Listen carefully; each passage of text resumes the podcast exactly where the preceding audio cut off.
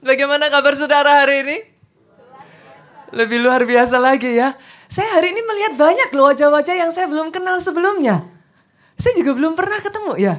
Kayaknya baru juga. Atau sudah? Oh baru ya? Yang temennya sudah, yang sampingnya baru. Kita kasih tepuk tangan yuk. Wow. Sampingnya kayaknya juga baru pertama kali juga ya. Wow, welcome. Kita kasih tepuk tangan sekali lagi. Baris kedua saya udah kenal. Baris ketiga kayaknya ibu saya juga udah udah pernah lihat ya. Tapi mungkin baru ini kali ya. Oh baru juga ya? Baru juga. Kita kasih tepuk tangan aja. Wow, saya ketemu dengan banyak teman-teman yang baru. Ini juga pasti baru. Aduh, kalau di sini tuh saya senangnya itu, saudaraku. Kemarin saudara diumumkan ya, nanti San Moritz di tanggal 11 kita akan digabungkan eh, uh, ke APL, bukan digabungkan, sebenarnya reopening, saudaraku. APL itu reopening. Kenapa saya tahu bagi saudara yang tinggalnya di sini, khususnya saudara yang pecinta tempat ini, apalagi teman-teman yang sudah memperjuangkan di sini, I know it's not easy. Saya sendiri juga rasanya berat, saudaraku. Kenapa? Karena saya tinggal turun. saya tuh paling seneng khotbah di sini. Kenapa? Karena saya kalau khotbah di sini saudara rumah saya di atas jadi tinggal saya tinggal turun deket sekali jadi bagi saya sendiri tempat ini sangat sangat sangat apa ya I believe um, saya percaya tempat ini sesuatu yang spesial yang Tuhan berikan saudaraku cuman saya melihat seperti ini saudaraku di tempat ini memang apa ya banyak yang uh, beberapa waktu kita ngobrol ya ini menjadi satu evaluasi bagi kami berapa banyak dari saudara yang ketika mau ke sini agak susah ininya aksesnya ya.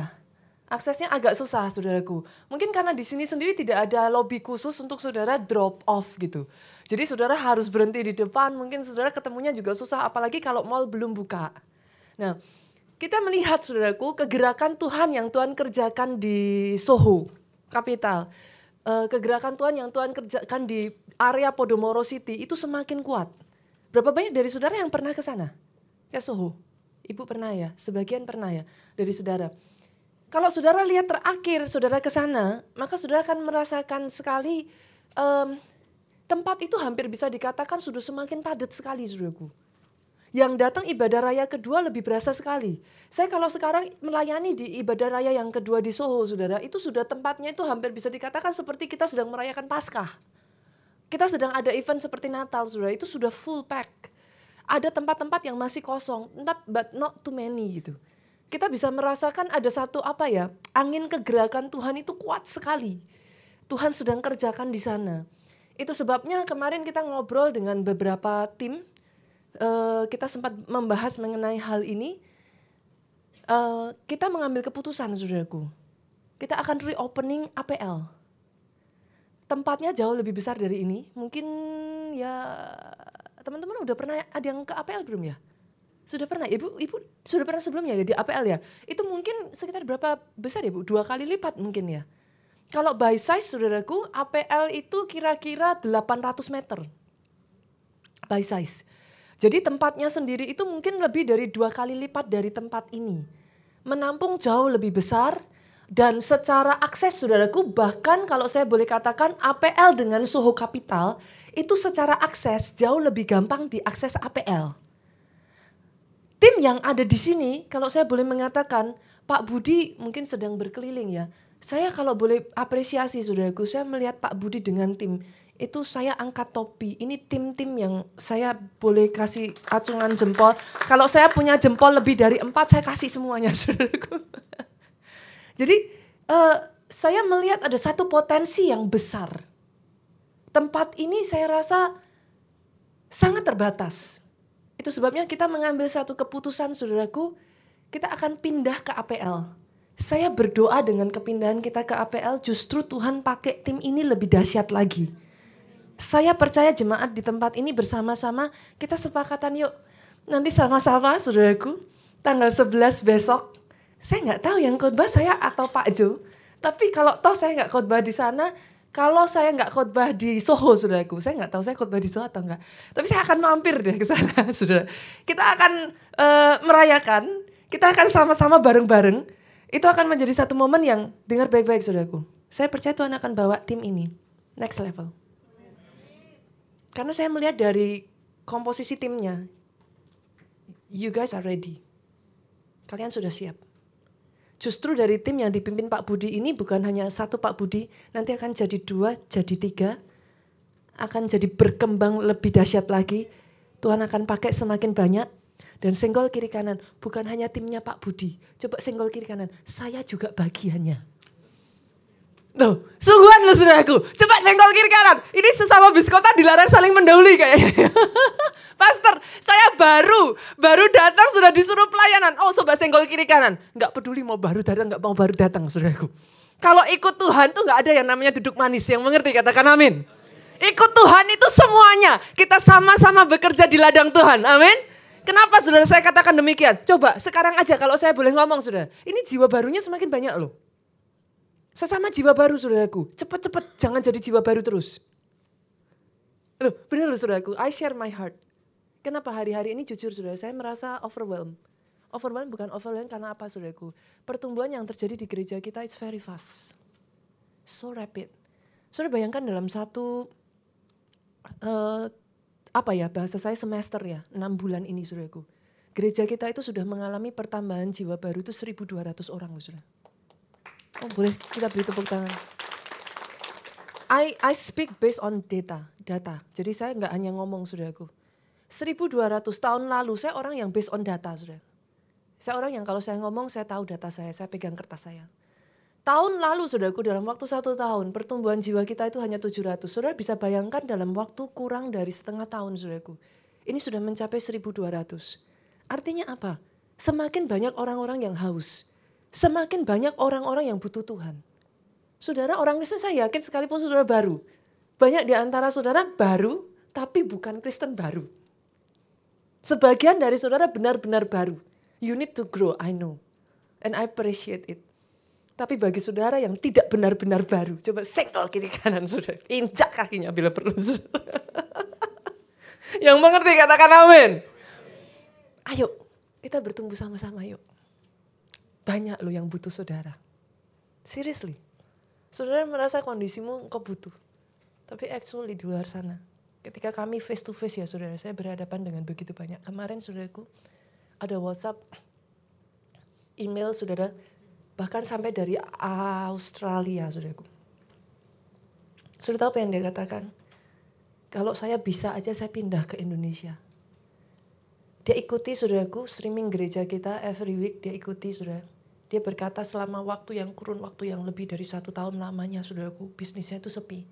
Dia bergerak dalam penyewaan venue saudaraku penyewaan kayak semacam tempat gitu saudaraku dan bisnisnya sepi, tidak satu ruangan pun tersewakan sudah. Sudah bisa bayangkan di Australia biaya hidup seperti apa bu?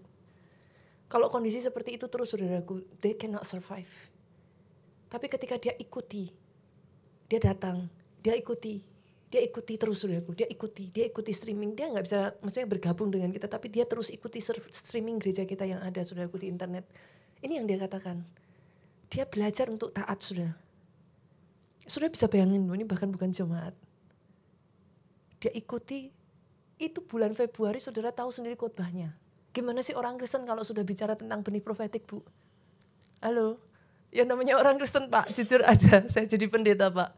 Orang Kristen bisa jadi sangat peka sekali kalau sudah berbicara tentang keuangan saudara.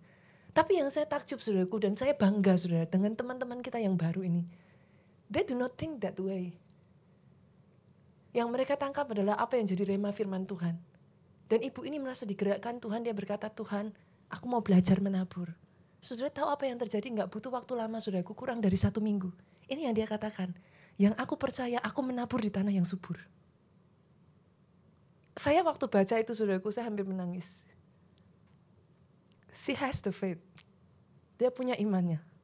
Dia bisa tangkap rimanya. Ini yang dia katakan, aku menabur di tanah yang subur. Sudah tahu, enggak, tunggu waktu sampai satu minggu saudaraku setelah itu. Dia berkata, venue-nya sampai akhir tahun sudah fully book. Sudah. Happen just like that. Tuhan balikkan tiba-tiba satu demi satu, demi satu, demi satu, demi satu. Sudah. Baru saja saya dengar kemarin saudaraku kesaksian Miracle Night Service. Seorang bapak dari Surabaya, sudah. Saya sampai takjub. Seorang bapak dari Surabaya datang ke kota Solo, saudaraku, dari hari Senin khusus ikut Pondok Daud. Sudah bisa bayangin, khusus ikut Pondok Daud dari hari Senin setiap jam 9 sampai jam 12 malam. Dia stay di kota Solo, saudaraku. Sudah tahu kenapa? Dia berkata, apa yang disampaikan firman Tuhan di tempat ini ya dan amin. Saya mengalaminya. Hal yang simpel, saudara. Satu ketika dia dibawa Tuhan, dia lihat, dia ditawarkan satu tanah, saudaraku. Mau nggak tanah ini? Dia bilang mau banget. Tanahnya di pinggir jalan, sangat strategis, bagus sekali Cuman dia katakan harganya dua setengah M ditawarkan ke dia saudaraku. Dia katakan dua setengah M saya nggak ada uangnya. Nggak bisa. Saya nggak bisa beli. Tapi dia terus dengarkan streaming gereja kita saudaraku. Dia dengarkan Youtube. Dia tangkap setiap rema firman Tuhan. Dia perkatakan itu di dalam hidupnya. Kalau memang ini yang Tuhan berikan atas hidupku ini milikku.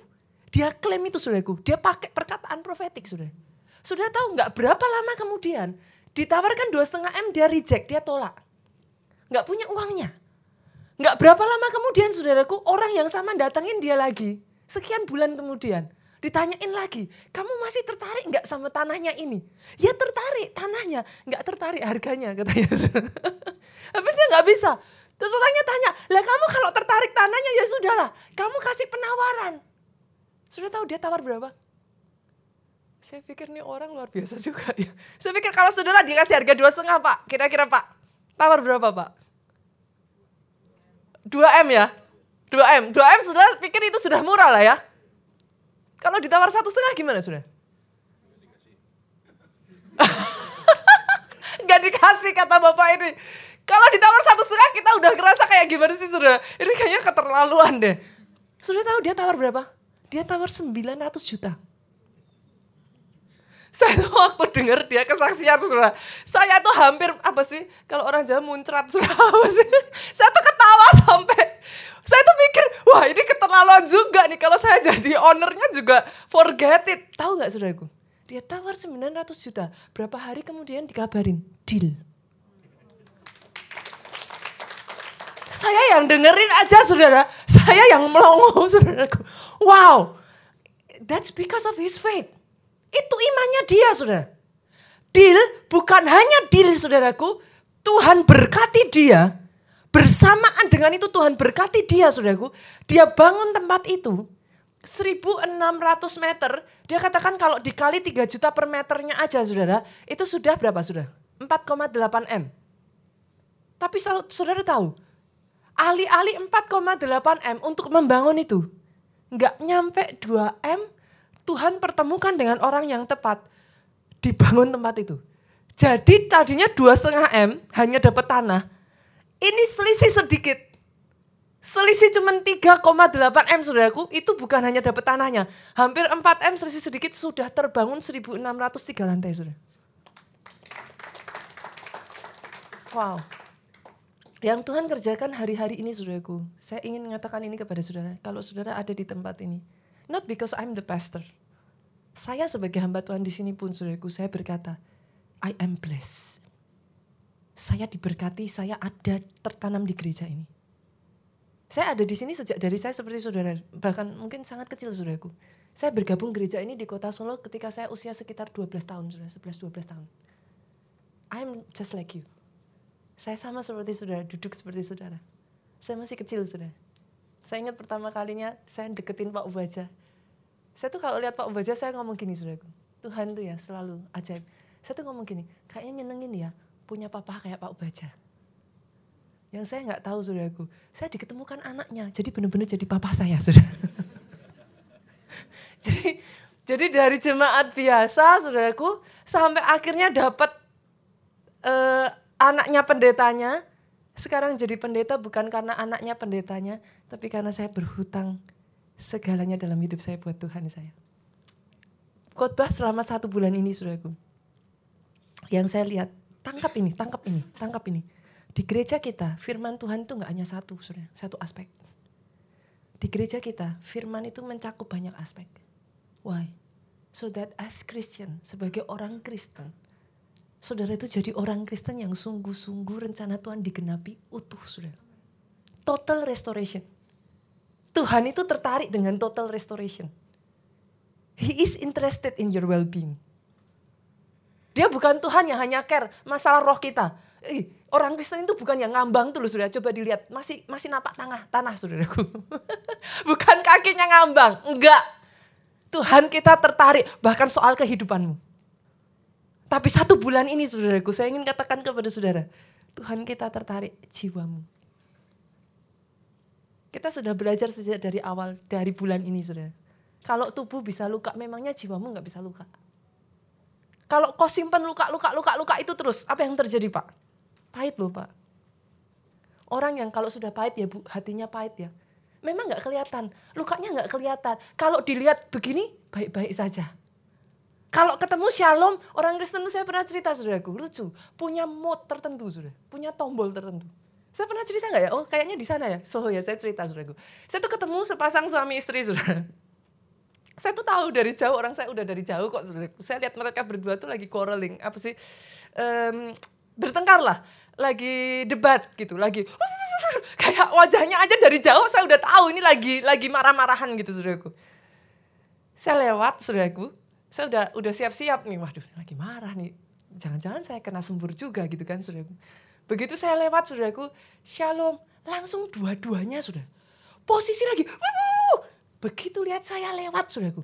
Set, shalom Pastor Nita.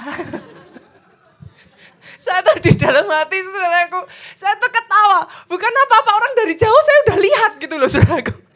Tapi kadang kala orang Kristen saudaraku, saudara nggak akan bisa melihat kalau saudara hanya lihat dari penampilannya. Everything looks okay. Saudara ketemu dan everything seems okay. They dress nice. They smile at you. Mereka tertawa, mereka tersenyum saudaraku. Tapi dengar baik, orang kalau jiwanya luka ada tanda-tandanya. Gak bisa ditipu. Engkau yang harusnya bisa lari, kau terikat. Kalau itu saudara teruskan lagi. Tadinya cuma luka bu. Kita belajar minggu pertama tentang luka. Diteruskan jadinya pahit. Diteruskan lagi yang terjadi apa? Pernah nggak ada dalam keadaan putus asa saudara? Itu kalau diteruskan saudara luka yang sudah jadi pahit sampai di titik tertentu, orang-orang jadi apatis. Sampai minggu lalu saya berbicara loh saudaraku. Dua minggu lalu tepatnya, saya ngomong. Kalau saudara ada di sini, izinkan saya mewakili saudaraku. Kalau saudara berasal dari gereja yang sebelumnya saudara sakit hati dengan gereja saudara. Maafkan saya, saudara masuk di tempat ini saya nggak jamin saudara nggak sakit hati. Kenapa saudaraku? I'm not perfect. Semua yang ada di sini nggak perfect. Jangan masuk ke gereja dan saudara berharap saudara nggak pernah sakit hati. Karena kadangkala sakit itu diizinkan Tuhan untuk membentuk saudara. If you do not run away, kalau saudara nggak lari dari itu, saudara akan dipakai jadi bencana yang indah, mempermuliakan namanya Tuhan. Saya ini hasil dari sakit hati, saudara tapi tidak mengizinkan hati yang sakit itu terus tinggal di dalam. Saya kalau tidak diremukkan Tuhan, saudaraku, nggak ada rasa sakit, saya nggak akan jadi begini. Kalau saya udah bilang, saudaraku, saya pernah sharing, saya ini seperti kalau tomat itu bonyok, saudara. Dibanting atas, banting bawah, banting kanan, banting kiri, jadinya begini, saudaraku. Kalau saudara nggak mau dibanting, ketika mau dimakan, rasanya keras. Pernah makan buah masih mentah? Enak nggak? Buah yang sudah enak saudaraku itu kalau sudah matang. Buah matang itu bonyok saudara. Yang mengerti katakan amin. Kadang dibutuhkan kita ini diproses Tuhan sampai di titik itu saudaraku. Dimakan kita sendiri nggak enak. Kitanya yang ngalami nggak enak. Tapi orang lain mencicipi buahmu. Mereka bisa berkata, kok manis ya? Saya berdoa hari ini. Tidak keputusasaan saudaraku. Keputusasaan diubah. Saya berdoa dari khotbah satu bulan ini Tuhan adakan restorasi atas jiwamu. Dipulihkan. Karena kalau saudara terus lanjutkan saudaraku. Minggu ini saya akan menyampaikan satu firman Tuhan saudara yang saya yakin saudaraku. Semua kita pasti pernah mengalami. Saya akan berbicara tentang loneliness. How to overcome loneliness. Di sini ada yang nggak pernah kesepian? Ada? Nggak pernah kesepian? Saya aja nggak pernah, saya nggak berani angkat tangan loh saudaraku. Setiap dari kita pasti pernah kesepian, nggak mungkin enggak. yang ingin saya katakan di sini saudaraku, sebelum kita nanti masuk bagaimana sih cara kita bisa overcome loneliness, saya ingin mengajak saudara mengerti dulu. Bedakan antara kesepian Pak dengan sendirian. Saya ulang ya. Kesendirian itu adalah state of body saudaraku. Sendirian itu keberadaan di mana memang secara tubuh tidak ada orang lain bersama kita. Yang mengerti katakan amin. Ketika saudara sendirian, ya memang secara tubuh ini saudara sedang sendiri. Saudara tidak bersama dengan orang lain, itu sendirian. Tapi kesepian, kesepian itu state of mind, saudaraku. Kesepian itu satu kondisi jiwa. Perasaan di mana saudara itu merasa terisolasi dari orang di sekelilingmu. Itu sebabnya saudara mengenal istilah ini. Kesepian di tengah keramaian. Jelas. Puitis banget ya saudaraku. Pernah dengar istilah itu? Kesepian di tengah keramaian. Saudara bisa ada bu, kita bisa ada di tengah begitu banyaknya orang. Ya you feel lonely. Bedakan antara alone, being alone, dengan feeling lonely. Yang mengerti katakan amin.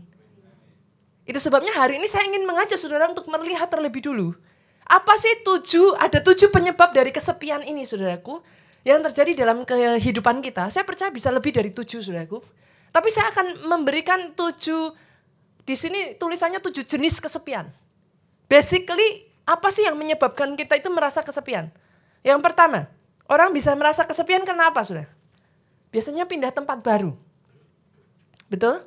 Saudara yang di sini ada nggak mahasiswa? Kayaknya nggak banyak masih masih ada mahasiswa di sini. Halo? Oh, iya masih mahasiswa ya? Tapi kalau ini mah di Jakarta terus ya? Oh enggak. Tadinya oh dari Depok ke Jakarta deket lah, Bu. Ada di sini yang dari luar pulau pindah ke Jakarta, nggak harus mahasiswa. Luar kota, luar pulau. Saya juga dari luar kota, saya orang Solo, Saudaraku. Ada? Oke. Boleh turunkan tangan, Sudah? Sebagai ibu-ibu, Saudaraku. Kalau pindah tempat baru, apa yang sudah cari pertama kali? pasarnya di mana. Betul ya, Betul ya. Kita kalau pindah ke tempat baru, nggak bisa disangkal. Ada perasaan gimana sih Bu? Di kota Solo Bu, semua orang kenal semua orang. Sudah tahu kota kecil. Saya ketemu pedagang apa, karena sudah kenal yang tadinya, katakan aku saya hobi makan ronde nih. Kalau kita udah kenal sudah yang tadinya orang lain dikasih tiga butir, saya dikasih lima, kan gitu sudah. yang mengerti katakan amin. Sudah mengerti yang saya maksudkan? Itu tuh apa ya sudah feeling like apa ya every you know everybody gitu. Saudara merasa tenang, tapi ketika saudara pindah ke tempat yang baru, saya rasakan itu sangat sangat sangat kuat sekali saudaraku ketika saya pindah dari kota Solo ke Jogja. I was still so young. Pada saat itu saya bahkan belum menikah saudara. Pernah ketemu pendeta yang jadi pendeta belum menikah saudara. Kami belum menikah saudara. I was still so young. Pak Jo dengan saya itu ketika pertama kali dipercayakan Pak Baja menggembalakan di Jogja, kami masih muda saudaraku, paling 20 something. Masih sangat muda saudara. Sedangkan kami menggembalakan jemaat yang ada yang sudah 60 tahun, 50 tahun saudara. It's not easy. Saat-saat seperti itu saudaraku adalah waktu-waktu di mana kita kadang ngerasa kayak we feel so lonely gitu, kesepian. Yang kedua, kesepian disebabkan bisa disebabkan karena apa saudara? Pernah nggak saudara ngerasa kayak saudara itu berbeda? You're just different. Saya ngerasakan ini saudaraku pada saat saya awal-awal terima Yesus. I'm still teenager, so young. I fall in love with him so much. Bahkan saudaraku, yang tadinya buat teman-teman semua Pak nyontek itu oke. Okay saudara jangan nasihatin anak deh saudara sendiri dulu gimana kan gitu saudara masih zaman kita dulu masih muda lah saudaraku kalau buat anak-anak yang umur segitu nyontek it's okay tapi ketika saya ikut Tuhan mati-matian saudaraku I become so radikal bagi saya nyontek nggak oke okay. Bagi teman saya kamu nggak nyontek it's okay kamu nggak ngasih contekan itu it's not okay Terus mengerti yang saya maksudkan? Dari situlah saudaraku, I feel lonely. Saya ngerasa kesepian sudah. Kenapa? Karena Setiap kali saya datang teman-teman, sebenarnya saya jadi kayak gini ini nubuatan dari teman-teman bu. Saya datang teman-teman bilang pendetanya datang, pendetanya datang kayak gitu. Jadi sejak dari saya masih sangat muda itu mereka sudah sebut saya pendeta, pendeta seperti sok suci, sok kudus kayak gitu saudaraku. Jadi saya feel, I feel, I feel so lonely. Kayak nggak ada orang yang kayak ngerti kita, kondisi kita. Yang ketiga sudah, kesepian bisa disebabkan apa? Ada lagi apa saudaraku? Ini literally. Pernah nggak punya teman-teman yang semua udah married, tinggal saudara yang belum? itu itu apa ya saudara? Sakitnya tuh di sini saudaraku. Coba senggol kiri kanan, kasihan deh lu. Bagi saudara yang belum menikah, saudaraku, firman Tuhan berkata adalah baik kalau saudara tidak sendirian.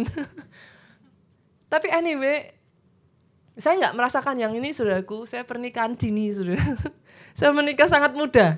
Saya menikah sangat muda karena sudah menggembalakan putar uh, bolak-balik terus saudaraku. Jadi dari Pak Obaja itu sampaikan kalian kalau memang udah mantap dari Tuhan ya udah karena memang posisinya kami sebagai gembala sidang saudara. Jadi saat itu kami menikah masih cukup muda sekali saudaraku. Jadi saudara lihat sekarang saya anaknya udah gede-gede segini-gini saudaraku. Udah anak saya yang pertama tuh tingginya udah segini saya saudara. Tapi kalau jalan saya paling bangga saudara uh kayak ciciknya ya, uh saya seneng sudah. itu berkatnya, sudah berkatnya, saudaraku. Nah, yang keempat yuk kita lanjut lagi yang keempat, yang keempat, yang keempat. Kesepian karena kita merasa tertolak, sudah. Pernah nggak sih kalau saudara punya temen yang kalau sudah datang, yang lain bubar? sakit banget, sudah. Bener, bener. Saya pernah ngalami hal-hal seperti itu, saudaraku.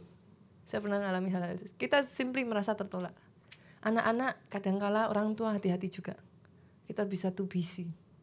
Mereka datang ke kita, kita merasa kayak mereka itu hanya seperti kayak mengganggu. Ah, nanti dulu, nanti dulu. Jangan kira karena mereka masih kecil mereka nggak bisa tertolak loh sudah. Anak itu tahu. Ini teman-teman di Kids Impact. Kita melayani di Samuel Moment sudah. Samuel Moment tuh retreat encounter yang didesain untuk anak usia 9 sampai 15 tahun. Saya menemukan ada begitu banyak anak. Sudah bisa berkata kepada saya, Pastor, anak umur 9-10 tahun tahu apa? Jangan salah, sudah. Saya melayani anak-anak di usia itu dan mereka nangis itu sampai guling-guling, sudah. Nangis kemarin kita baru aja ya berangkat Eagle Camp.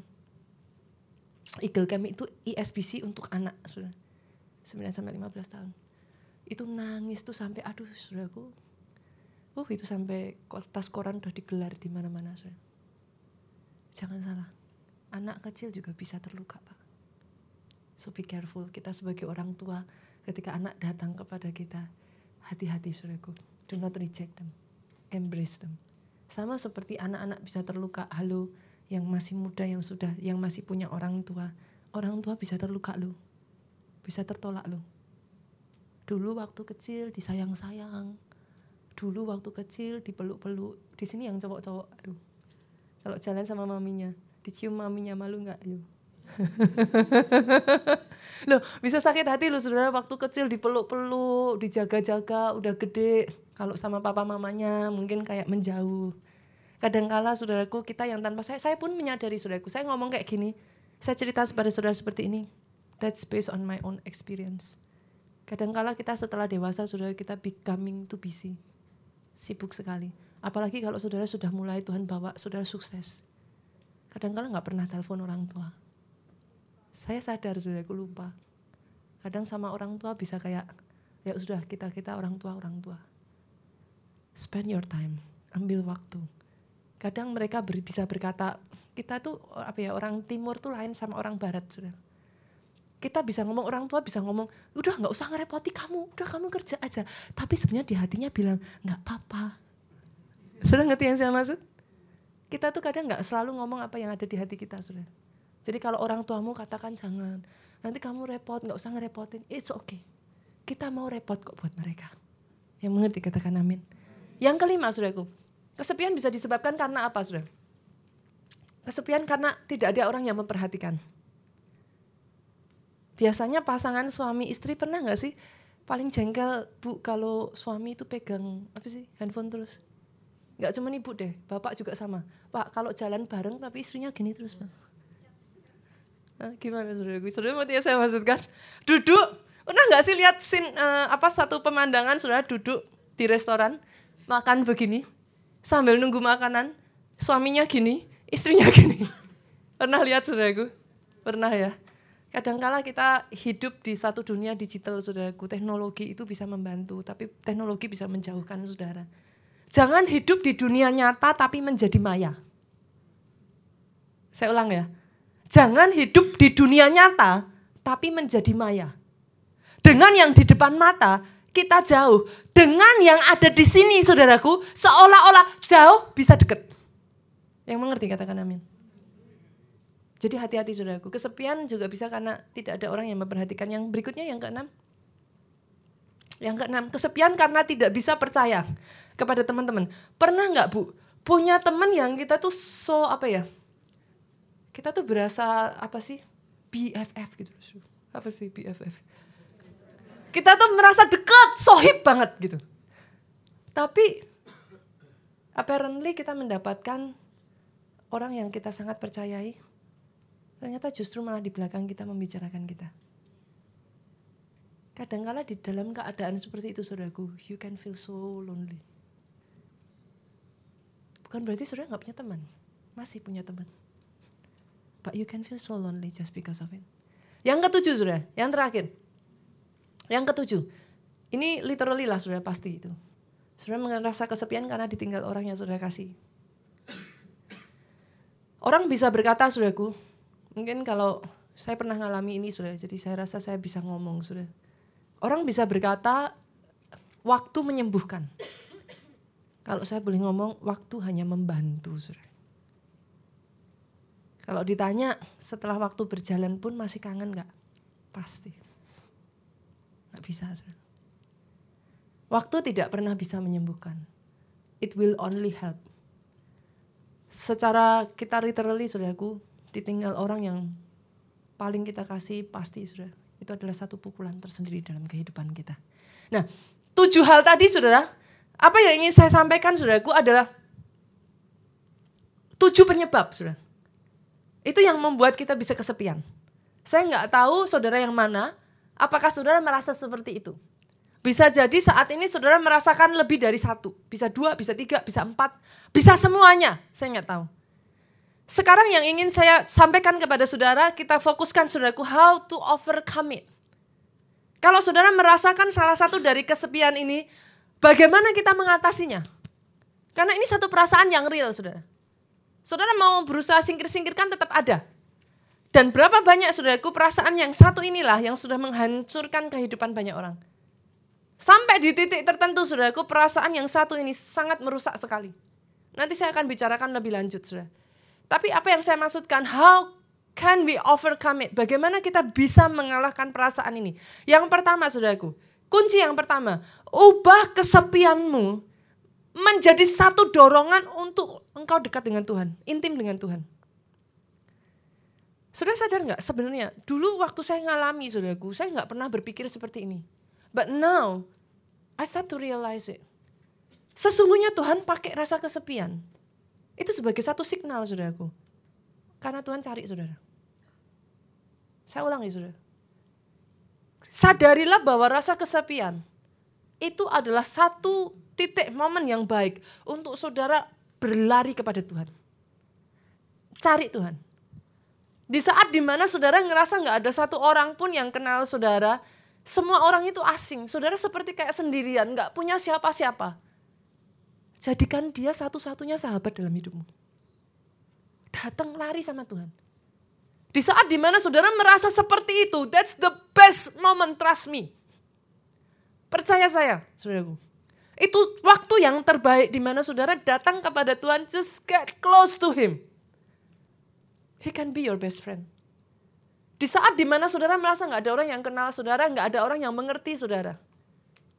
Semua perasaan yang saya sebutkan tujuh tadi saudaraku, saya boleh katakan saya alami itu di saat saya remaja saudara. Saya pernah cerita ya kalau nggak salah yang terakhir saya di sini ya. How I lose my best friend. Bagaimana saya kehilangan teman baik saya bagaimana saya kehilangan uh, apa namanya ya semuanya lah saudaraku. Saya merasa saya se seperti kayak saya sangat kesepian. Saya boleh katakan ini saudaraku definitely kalau saat itu saya tidak kehilangan sahabat dekat saya going to church is not a choice for me. Gimana sih anak-anak masih muda-muda kumpul saudaraku setiap hari minggu? Disuruh kids impact? Bye bye saudara. Nggak mau. Nggak menarik lebih menarik kita kumpul dengan sahabat-sahabat kita, kita ngobrol dengan teman-teman kita. Tapi justru karena di saat itu Bu, saya diizinkan Tuhan, saya kehilangan best friend saya. Saya kehilangan satu lingkungan yang saya very close to it. I feel so lonely. Dengar baik, kalau saudara bisa menyadari perasaan kesepian, sesungguhnya Tuhan pakai untuk menarik saudara dekat dengan dia. Di saat di mana saudara merasa semua teman-teman sudah punya pasangan, saudara nggak punya siapa-siapa. Saudara tertolak, nggak ada yang mau dekat dengan saudara. Rasanya seolah-olah saudara best friend pun nggak bisa dipercaya. But he can be your best friend, you know. Saya rasa saudaraku, ini yang dirasakan Daud. Pastor, gimana pastor tahu kalau itu yang dirasakan Daud? Literally loh sudah. Dari tujuh anak, Daud itu nggak dipanggil loh. Saudara di sini kira-kira kalau jadi anak, Pak, kalau jadi anak, semua semuanya ditawarin loh jadi raja. Samuel datang, ini bukan kontes sekedar kontes biasa loh bu. Ini milih raja loh. Menurut saudara, di kontes pemilihan raja, kalau bisa apa nggak semua anak dimajukan saudara?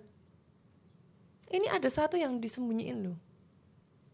Saudara kalau jadi Daud nggak usah nggak butuh nubuatan saudaraku. Nggak butuh suara Tuhan untuk saudara mengerti kira-kira loh. Kalau jadi Daud, what do you feel? Saudara akan merasa sangat tertolak loh saudaraku. Sampai di titik Samuel itu harus bertanya loh saudara. Masih ada lagi nggak anakmu yang lain? Loh itu apa nggak keterlaluan saudara? Sudah dipilih semuanya nggak ada saudaraku sampai Samuel tanya masih ada nggak satu lagi yang lain. Karena Samuel merasa Tuhan suruh dia dari anak Isai, salah satu anak Isai akan jadi raja saudara. Dan dalam hal ini Samuel tidak pernah melakukan kesalahan sebelumnya. Itu sebabnya dia bingung saudara. Loh ini nggak ada semua. Tuhan tolak semua. Itu sebabnya Samuel bertanya, masih ada nggak yang lain? Baru dengan enggan, saudara. Papanya ngomong, ehm, ada tuh di belakang. Baru mengembalakan dua tiga ekor kambing domba. Panggil ke sini. Ini yang dirasakan Daud. Buka saudaraku. Mazmur pasalnya yang ke-62. Kita lihat. Lihatnya yang kedua. Apa kata Daud saudaraku? Coba kita baca sudah dua tiga. Hanya dekat apa? Allah saja. Aku tenang. Daripadanya lah keselamatanku. Sudah buka satu ayat lagi dan sudah akan melihat dan sudah tahu perasaan Daud. Mazmur 27 ayat 10. Yuk sama-sama kita baca dua tiga. Sekalipun ayahku dan ibuku meninggalkan aku. Dalam hal ini, Daud tidak hanya merasa ditolak ayahnya, dia ditolak ibunya, saudaraku. Saya pernah ada di dalam perasaan yang mirip dengan Daud, tapi tidak seperti Daud. Karena orang tua saya mengasihi saya, saudaraku. Tapi saya pernah ada di dalam perasaan seperti Daud ini. Saudara pikir saya, saya berusaha menghidupi kisah Daud ini, saudaraku. Saudara pikir kenapa Daud begitu mengasihi dua tiga ekor dombanya, saudara? Apa begitu bertanggung jawabnya Daud, saudara? What do you What do you think? Saking bertanggung jawabnya Daud, saudaraku. No, he has nobody. Ketika dia duduk dengan dua tiga ekor itu, saudaraku, mungkin dia bisa, halo Lisa, sini Lisa. Maaf saudara kalau ada di sini yang namanya Lisa. Saudara. Enggak, maksud saya, saya percaya bahkan dari tiga ekor ini pun dia kasih nama. Saudara. Dia tahu yang mana ini, yang mana itu. Dia tahu si A, si B, si C. Kenapa?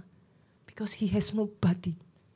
Yang dia punya benar-benar literally dua, tiga ekor kambing domba ini. Segalanya yang dia punya. Mereka ini best friendnya Daud. Saya pernah ada di posisi itu, saudaraku. Saya punya seekor anjing, saudaraku, yang bagi saya best friend saya, saudara. Waktu anjing ini hilang, saya cerita waktu itu kepada saudara. Bagi saya, it's like, benar-benar saya nggak pernah mau punya anjing lagi setelah itu, saudara. Bagi Daud, saudara pikir kenapa? Sampai ketika diserang harimau, diserang macan, diserang singa, diserang beruang, dibela mati-matian seperti itu menurut saudara kenapa? Apa hanya sekedar Daud itu seorang gembala domba yang bertanggung jawab? I don't think so. Karena bagi Daud, dombanya ini segalanya buat dia. Sampai di titik mau diterkam singa, dia robek mulut singa. Itu Alkitab katakan, saudaraku. Dia bela begitu rupa. Kenapa, saudaraku? Sudah bisa baca ayat tadi. Mazmur tadi itu menceritakan hatinya Daud. Sekalipun ayahku dan ibuku meninggalkan aku, tapi Tuhanku menyambut aku. Itu yang Daud rasakan. Dia rasakan kesepian yang begitu rupa, saudaraku. Sebagai seorang remaja, kita berkata Daud itu masih kemerah-merahan, saudara. Daud itu masih sangat muda. Ketika hal ini terjadi, saudaraku, Daud itu masih usia belasan tahun. Maksimal 21 tahun, saudara. Karena setelah 21 tahun, orang Israel, pria, itu akil balik, saudara. Jadi di sini Daud itu masih sangat muda, saudara. Posisinya. Dia ada di dalam keadaan yang begitu down dalam hidupnya. Tapi tahukah saudara kenapa Daud itu begitu spesial di mata Tuhan, saudara? Kalau saudara bisa merubah kesepian saudara itu menjadi satu momen engkau mendekat kepada Tuhan. Dengar ini baik-baik saudara. Tuhan akan menunjukkan hal-hal yang tidak pernah kau pikirkan sebelumnya engkau akan mulai bisa mendengar suara yang tidak orang lain bisa dengar. He is just so close to you. Itu yang saya rasakan, saudaraku. Itu yang saya alami. Titik di mana saya, I have nobody dalam hidup saya, saudaraku. Itu titik di mana Tuhan tarik saya. Masalahnya dari banyak orang, saudara. Titik kesepian sesungguhnya adalah titik di mana Tuhan itu kepingin kita berlari kepada Tuhan tapi iblis kurang ajar, saudaraku. Titik kesepian dipakai untuk menghancurkan banyak orang. Berapa banyak saudara pernah mendengar kisah-kisah orang kesepian akhirnya menjadi depres? Depres maaf bu, akhirnya memutuskan untuk mengakhiri hidupnya. Saudara tahu yang saya maksudkan? That's exactly what I feel. I almost try to do it. Saya hampir berusaha juga saudaraku untuk bunuh diri saudaraku. Itu titik di mana saudara merasa so lonely. Tapi sesungguhnya saudaraku, yang Tuhan mau adalah di titik itulah. Come to me. Datang kepadaku. Kenapa saudaraku? Ketika saudara datang kepada dia. Yang harusnya loneliness itu menghasilkan emptiness. Sudah bisa ngerasain, orang kalau sudah kesepian, itu emptiness, saudara. Kosong rasanya. Kalau udah kosong tuh pikirannya udah nggak nggak bisa nggak bisa jernih, sudah. Udah nggak bisa mikir yang ada rasanya udahlah, pokoknya kosong udah nggak ada tujuan hidup, udah deh. Sebagian orang lari dengan cara yang salah, Pak. Berapa banyak yang berusaha mengisi emptiness itu dengan narkoba? Betul? Karena pada satu titik tertentu, saudaraku, dalam diri kita ada bagian diri kita ini yang tidak bisa diisi oleh apa pun, Pak. Orang akan crave, try. Mereka akan mencoba karena kosong saudaraku. They try to to just to close it. Gimana cara menutup kekosongan itu? Mereka coba dengan narkoba. Saya nggak pernah pakai narkoba, saudaraku puji Tuhan. Uh, saya tidak dibawa melalui itu, saudaraku. Bagi saudara yang pernah, saya hanya bisa membaca. Saya tidak berhak ngomong secara detail dalam hal ini karena saya tidak mengalami secara pribadi, saudaraku. Tapi setidaknya saudara bisa mendengar kesaksian-kesaksian dari teman-teman yang sudah berjuang di area itu, saudaraku. Kesepian itu hanya bisa ditutup sementara dengan narkoba. But then, lubang itu semakin dalam, saudara. Saudara tutup dengan alkohol, saudara tutup dengan apa? I don't know, kehidupan yang berfoya-foya. Masih ingat cerita anak bungsu, anak sulung? Masih ingat saudaraku? Apa yang dia lakukan? Coba kita buka yuk. Kita lihat ayatnya. Matius, uh, maaf saudaraku Lukas. pasalnya yang ke-15 ayat 11 sampai 24. Saya ajak saudara baca ayat 13 dulu saja. Boleh sama-sama satu ayat saja saudaraku. Beberapa hari kemudian apa saudara? Anak bungsu itu menjual seluruh bagiannya itu lalu pergi ke negeri yang jauh di sana ia apa? Memboroskan harta miliknya itu dengan apa? Hidup berfoya-foya. Saudara boleh coba lakukan itu, Bu. Saudara foya-foyakan semua harta saudara. Bisa sih membantu. Seneng, habis shopping seneng. Saya pernah sharingkan ini juga saudaraku. Ada waktu-waktu di mana saya ada di Amerika, saudaraku. I feel so literally lonely, saudara. Saya pikir, saudaraku, dengan saya berjalan-jalan, hari itu saya habiskan dari pagi, Pak. Sampai malam mall tutup. Itu baru pertama kali seumur hidup saya seperti itu, saudaraku. Pernah nggak, saudaraku, dari pagi jam 10 sampai jam 10 malam, saudara? Nge-mall. Pernah nggak? Pernah. ini sama-sama suka shopping ini berarti. Satu kali itu saudaraku, saya ngerasa begitu kesepian sudah saya pikir dengan saya bebaskan diri saya, I can buy everything I want. I, I, I, saya berpikir saudaraku, I will be better gitu. Tahukah saudara saya pulang saudara jam 10 malam saya balik saudara. I feel better. But then it doesn't last long. Keesokan harinya rasa kesepian itu masih di sana saudara. Karena pada dasarnya tempat itu hanya bisa diisi satu pribadi. Namanya Yesus Kristus Tuhan. Hari ini kalau saudara datang di tempat ini dan itu yang saudara rasakan, saudara nggak tahu saudara harus lari ke mana. Ada satu tempat berlari yang banyak orang nggak mau lari ke sana pak. Kenapa? Daging itu lemah, roh penurut. Pertama kali kita mau berdoa, pasti saya jamin saudaraku, dagingmu ini akan ngelawan sebisa mungkin. Padahal apa sih berdoa? Berdoa ya berdoa aja saudara. Tapi ketika saudara mau berdoa, pernah nggak sih ngerasa, Wih, mau doa tuh kayak, ih kakinya tuh kayak dikasih apa sih batu kilangan saudaraku. Rasanya mau doa tuh, uh. tapi pernah nggak saudara ngerasain setelah berdoa, nggak doa itu kayak ada yang kurang. Yang mengerti katakan amin. Karena kebutuhan roh dengan kebutuhan badan ini beda saudara. Saudara bisa, bisa bedakan itu. Kebutuhan roh itu akan persekutuan intim dengan Bapak di surga. Rasa kesepian adalah satu signal yang dipakai Tuhan untuk menarik engkau kembali. Dan kabar baiknya, ketika kau berlari mendekat, kita baca ayatnya. Lukas tadi, saudaraku, kita lihat ayatnya yang ke 17. Apa yang terjadi pada anak ini, saudaraku? setelah dia hancur-hancuran. Lalu ia menyadari keadaannya katanya, betapa banyaknya orang upahan bapakku yang melimpah-limpah makanannya, tapi aku di sini mati kelaparan. Pernah berasa itu enggak saudaraku? Keadaan di mana saudara itu miskin secara roh. Kayak rasanya tuh aku tuh kayak habis-habisan. Kosong. Saudara yang pernah merasakan perasaan ini, saya harus berkata kepada saudara, you are blessed. Kenapa? Hanya orang yang pernah merasakan perasaan seperti ini yang kau bisa berlari kepada Tuhan. Kalau enggak, enggak.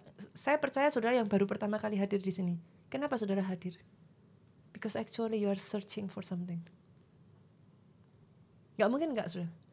Saudara yang mendengarkan khotbah-khotbah di gereja kita dan karena itu saudara datang di sini saya hanya bisa mengatakan satu hal ini. Artinya saudara haus dan lapar. You are looking for something. That's why you come. Gak mungkin enggak. Dan saya berdoa ketika sudah datang hari ini, sudah menemukan satu pribadi. Pribadi yang sudah mengubahkan hidup saya. Namanya Yesus. Karena gak ada pribadi lain saudaraku yang bisa mengisi. Anak bungsu ini, dia merasakan kekosongan ini. Tapi coba kita lihat ayat 20-nya saudaraku. Ayat 20-nya, sama-sama yuk kita baca yuk, biar gak ngantuk. Ini dingin-dingin karpetnya empuk saudaraku. Yuk, Dua, tiga. Maka bangkitlah ia dan pergi kepada bapaknya. Ketika ia masih jauh, ayahnya telah melihatnya. Lalu tergeraklah hatinya oleh belas kasihan. Ayahnya itu berlari mendapatkan dia, lalu merangkul dan mencium dia. Menurut saudara, saya tanya, bagaimana bisa dari jauh ayahnya sudah melihat?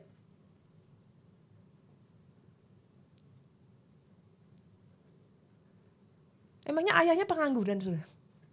Gak kerja. Kaya loh ini, sudah. Ini bukan orang miskin loh. Dia pengusaha loh.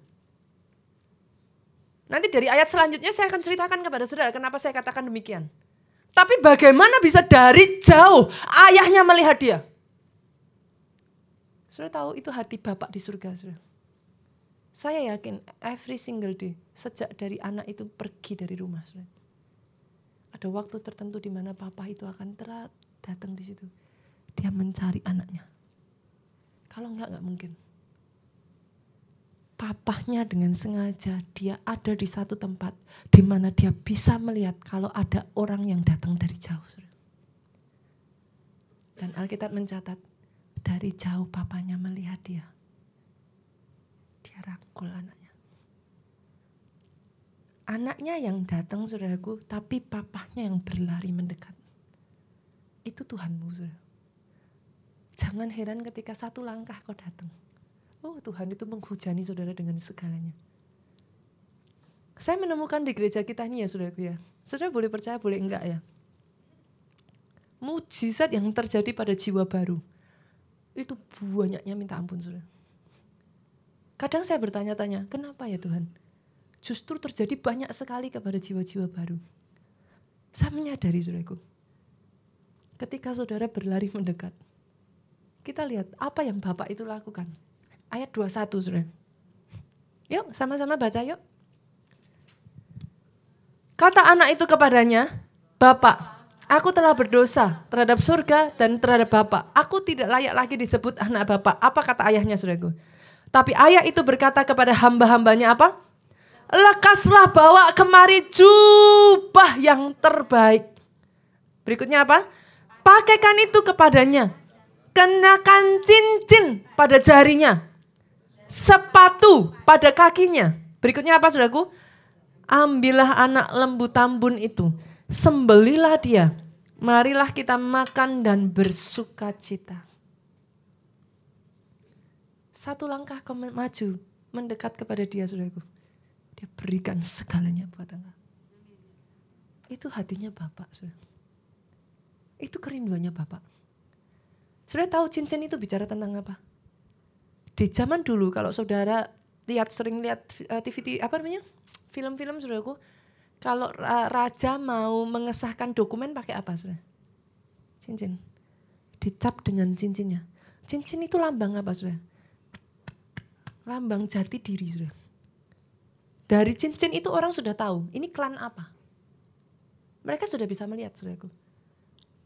Pada saat kau kembali kepada Tuhan, yang pertama Tuhan akan pulihkan jubah, saudara. Jubah itu apa? Glory, kuasa yang sudah hilang dari hidup saudara, itu dipulihkan. Jangan heran ketika saudara berbalik kepada Tuhan, mujizat itu cepat terjadinya, saudara. Because actually it belongs to you itu memang milikmu. Engkau aja ya gak sadar itu dicuri. Dan dicuri masih terima lagi saudaraku. Kan saya suka marahnya sama orang Kristen itu. Dicuri, tapi merasa wajar kecurian. Yang mengerti, katakan amin. Itu sebabnya kalau kecurian, ambil balik sudah. Rebut bila perlu, paksa. Memangnya diambil dia mau kasih begitu aja. Enak aja. Dia nggak akan berusaha mempertahankan terus. Tendang bila perlu saudaraku. Sampai dilepas. Kenapa? Itu milikmu. Jangan izinkan itu terus dicuri. Yang pertama Tuhan pulihkan ketika kau datang kepada dia, jubah dia berikan. Setelah itu dia berikan cincinnya. Artinya apa? You belong to him. Saudara ini klannya Tuhan, saudara ini miliknya Tuhan. You, he own you. Tapi berikutnya kasut saudaraku. Dia pulihkan. Engkau bisa berjalan dan tidak menjadi lelah. Engkau bisa berlari dan engkau tidak menjadi lemah. Engkau terus terbang, naik terbang seperti bagai pada burung Raja Wali. Itu yang Tuhan akan kerjakan. Artinya apa? Dimampukan menyelesaikan tugasmu sampai akhir. 40 tahun 40 40 tahun bangsa Israel berputar-putar di padang gurun sudah. Alkitab mencatat apa? Tidak menjadi usang kasutnya penyertaan Tuhan akan ada atas kehidupanmu, dimampukan menyelesaikan sampai akhir. Tapi lebih daripada itu apa yang dia lakukan saudaraku? Lembu tambun. Sacrificial. Pengorbanan. Tuhan berikan yang paling berharga saudaraku apa? Keselamatan atas kehidupan saudara. Saya berdoa ketika saudara datang kembali kepada Tuhan. Kalau ada di sini, saudara sudah lama meninggalkan Tuhan. Come back to Him. Kembali kepada dia. Dia berikan segalanya dalam hidup saudara. Yang kedua saudaraku, boleh saya undang pemain musik maju ke depan. Yang kedua saudara. I almost finish. Yang kedua, kalau saudara ada di dalam kesepian, keadaan kesepian, bagaimana saudara bisa overcome ini? Jangan pasif, saudara. Banyak orang sudah ada di dalam keadaan kesepian terus mengisolasi diri sendiri. Tadinya hanya perasaan, sekarang karena dia merasa seperti itu, tindakannya, actionnya dia, dia isolasi dirinya dari orang di sekelilingnya. Gak mau kumpul sama siapa-siapa, gak mau berteman dengan siapa-siapa, menjauhi keluarga. Pernah melihat seperti itu? Pernah ngalami seperti itu, saudaraku? Yang lain kumpul-kumpul, saudara tinggal aja di kamar. Saudara nggak mau ketemu siapa pun. Yang kedua, saudara, jangan izinkan iblis membawa tipu dayanya lebih masuk lagi, saudara.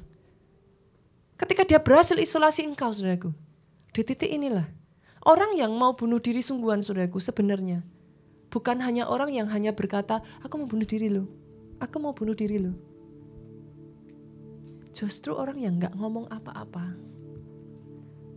Diem itu justru yang paling berbahaya. Kan nggak ada orang yang tahu. Tiba-tiba saja sudah langsung action. Sudah. Seringkali tidak selalu saudaraku. Orang yang berkata, aku mau bunuh diri lo. Nih, bunuh diri lo. Beneran lo, beneran lo. Akhirnya nggak jadi sudah. Tapi orang yang diem, nggak ngomong siapa-siapa, sudah tiba-tiba saja sudah.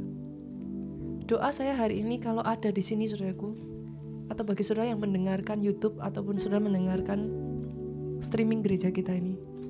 Saya berdoa saudara, sungguh-sungguh saya berdoa. Di dalam nama Tuhan Yesus itu di cancel. Kenapa itu tipu daya terbesar iblis saudaraku. When you kill yourself, the plan of God finish. Selesai sampai di situ saudara. Bahkan di titik terberat dari masalahmu saudaraku. That's not the end. Bu itu bukan akhirnya. Kenapa? Karena selalu bisa terbit terang setelah badai. Pelangi setelah hujan saudaraku. Selama saudara tidak menyerah, Tuhan sanggup bekerja. Tapi setelah saudara memutuskan mengakhiri, that's the end of everything. Jangan izinkan iblis menghancurkan hidupmu lebih dalam lagi. Tabur benih kasih. Karena firman Tuhan berkata, saudaraku, kalau engkau tidak jemu-jemu berbuat baik. Pak, jangan berpikir tabur sekali orang langsung baik. No. Orang ditabur seribu kali aja belum tentu baik. Tapi ketika saudara menabur, dengar baik saudara Mungkin saudara tidak menuai dari orang yang sama. Tapi Tuhan akan bawa orang yang berbeda. Karena Tuhan tidak pernah salah. Orang yang menabur pasti menuai. Engkau menabur kebaikan, engkau menuai kebaikan. Engkau menabur belas kasihan, engkau menuai belas kasihan. Jangan pernah salah saudaraku. Apa yang kau lakukan tidak selalu dari orang yang sama kau menuainya. Tapi Tuhan akan kirimkan orang yang tepat pada saat yang tepat taburan itu berbuah kalau engkau tidak menjadi lelah, saudaraku. Hari ini, saudaraku, saya akan akhiri dengan satu ayat ini. Kita buka sama-sama yuk. Efesus 2 ayat 19. Bolehkah saya undang saudara bersama-sama saudaraku masuk dalam bagian keluarga Allah. Ini lagu gereja kita yang sangat familiar sekali. Masih ingat? Zaman dulu saudaraku kalau ada jiwa baru datang, kita akan nyanyikan lagu ini. Saudara yang sudah cukup lama saudara tahu. Gimana lagunya? Kini kamu bukan lagi orang asing dan pendatang, melainkan kawan sewarga dari orang-orang kudus. Sama-sama yuk.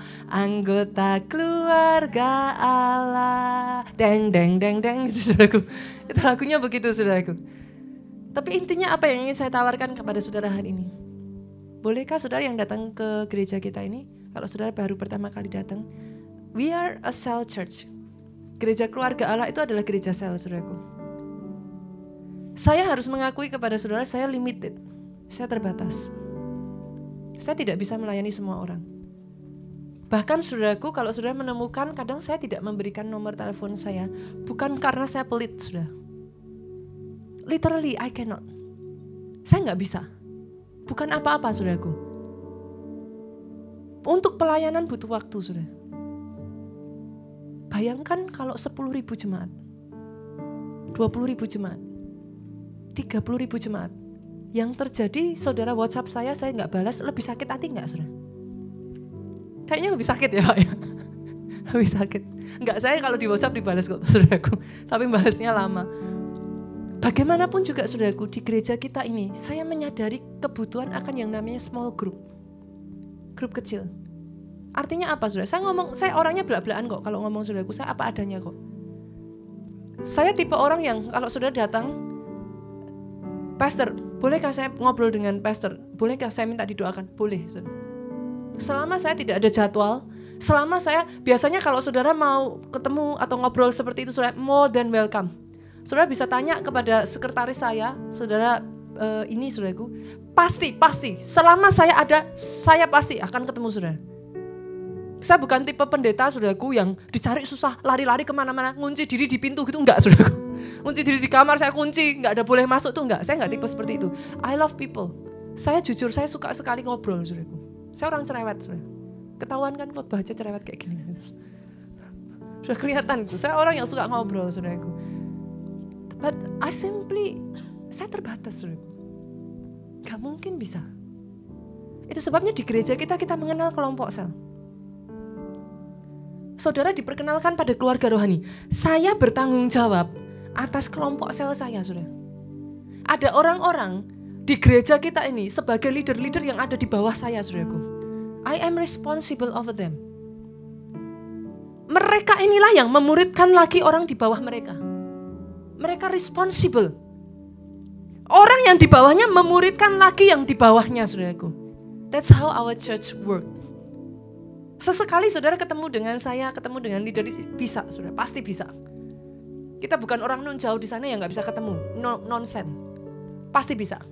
Tapi kalau saudara sudah berbicara tentang serious work, saudara butuh pemulihan, saudara butuh konseling mendalam, nggak akan mungkin selesai dalam waktu satu jam kan Pak? Yang mengerti katakan amin. Itu sebabnya kita punya yang namanya kelompok sel boleh dimunculkan datanya. Bagi saudara yang belum bergabung dalam kelompok sel, media boleh minta tolong? Bagi saudara yang belum bergabung dalam kelompok sel, saudaraku, saudara catat nomor ini. Novia ini adalah bagian dari gereja kita yang akan membantu saudara memilih komsel yang tepat. Kenapa saudara butuh keluarga? Saudara pernah lihat nggak film di mana harimau makan rusa, saudara? Pernah lihat nggak? Harimau terkam rusa. Jarang saya melihat, saudaraku, harimau itu terkam rusa yang berkelompok, saudara. Dia akan carinya yang sendirian. Betul? Semakin sendirian saudara, saudara itu makanan empuk. Seriously. Orang Kristen berdiri sendiri. Saudara itu sama seperti jadi orang Kristen udah mengibarkan bendera perang. Terus saudara bilang, come here. Gitu saudaraku. Nah saudara sendirian. Setidaknya rusa pun saudaraku kalau dia berkelompok. Singa itu enggan saudara. Dia harus put a fight. Dia enggan. Apalagi kalau rusanya ngelawan teman-temannya bersama-sama melawan saudaraku, itu singanya juga lari anyway. Saudara mati yang saya maksudkan? Itu sebabnya, pastikan kalau saudara jadi orang Kristen jangan sendirian. Please. Di gereja kita ini, saya tuh bukan gini saudara, bagi saya bukan masalah saudara keluar dari gereja ini atau tidak, bukan. Saya tuh yang paling sedih saudaraku, kalau rencana Tuhan belum digenapi, tapi saudara sudah menyerah di tengah jalan. Itu membuat saya paling sedih. Saya paling senang saudaraku melihat orang-orang yang baru bertumbuh, ketemu Tuhan, kenal Tuhan. That's why I become a pastor. Bagi saya itu sukacita saya. Saya sudah terbayar dengan itu sudah. Seriously. Kemarin saya pulang ke Solo, saya jumpa saudaraku dengan anak-anak rohani saya ketika saya masih SMP, SMA saudaraku. Mereka melayani Tuhan sekarang menjadi leader di sana. Mereka ketemu saya, mereka jabat tangan saya dan mereka bilang, Pastor Nita masih ingat gak saya? Saya akan ngomong sama mereka, how can I forget you? Saya besarkan mereka sejak mereka kecil, saudaraku. Melihat mereka lagi, saudaraku, dalam kondisi mereka sudah bertumbuh menjadi seorang leader. That's my joy. Tapi kadangkala dalam dalam gereja saya tahu gereja itu nggak selalu semuanya malaikat saudaraku. It's normal kalau sudah kecewa, bahkan kecewa dengan saya. I can understand it.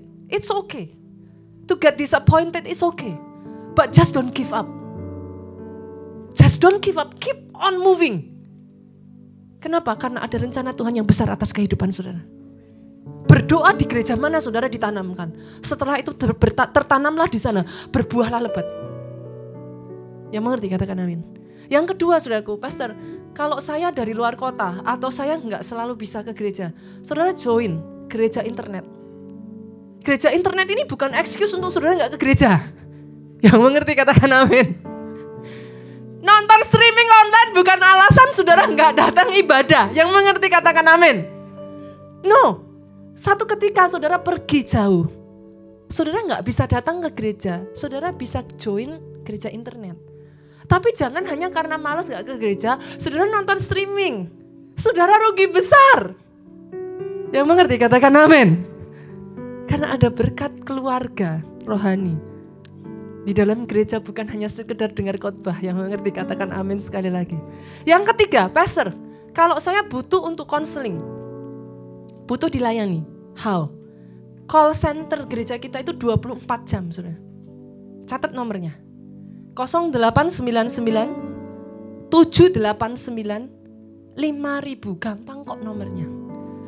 Jadi anytime di gereja kita ini saudara dari kota mana pun, pastor ada yang meninggal, saya butuh dilayani. Kontak call center. Loh, kok call center semua semua? Iya call center nggak apa-apa. Nanti saudara kan di direct. Dari call center akan kontak kotanya saudaraku. Kalau itu di Jakarta, saudara di Jakarta, call center akan kontak kita, pasti nggak akan luput saudara. Dia akan kontak kita di Jakarta, dia akan ngomong, so and so nomor ini, ini, ini, ini, bisa minta tolong dilayani. Nanti dari gereja kita akan membantu saudara.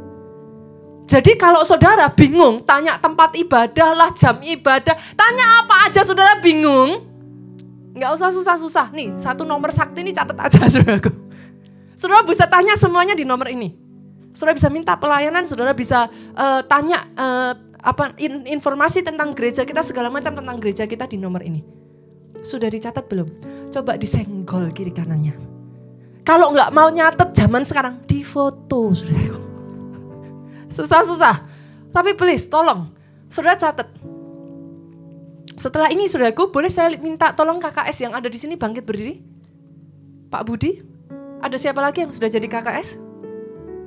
Ada lagi? Ah, bangkit berdiri, Pak Christian, Pak Yusa. Ada lagi? Uh, Kak Meka. Ada lagi yang sudah jadi KKS di sini? Enggak, ah, enggak belum ada lagi ya. Oke, saudara bisa melihat, coba lihat mereka, saudaraku. Kalau saudara cari komsel, cari mereka ini. Tanya ke mereka informasinya. Silakan duduk, yang berikutnya senggol kiri kanan. Kapan giliran kamu yang jadi KKS? Loh bener loh, sudah orang Kristen sukanya egois loh. Maunya diberkati terus loh. Jangan gitu please. Ini Tuhan, Tuhan itu besar sudah. Tuhan ini sedang cari banyak orang. Ini adalah hari terakhir saudaraku. We are blessed. Kalau saudara nggak bangkit, mereka mau lari ke siapa? Saya jadi saya seperti ini saudaraku karena ada orang yang mau mengorbankan waktu mendidik saya. Tolong jadi orang yang mau berkorban waktu untuk mendidik orang lain. Saya tahu Jakarta ini sibuk, but that's not an excuse. Di mana ada kemauan, di situ ada jalan. Saya berdoa dari tempat ini Pak Budi, akan muncul KKS-KKS handal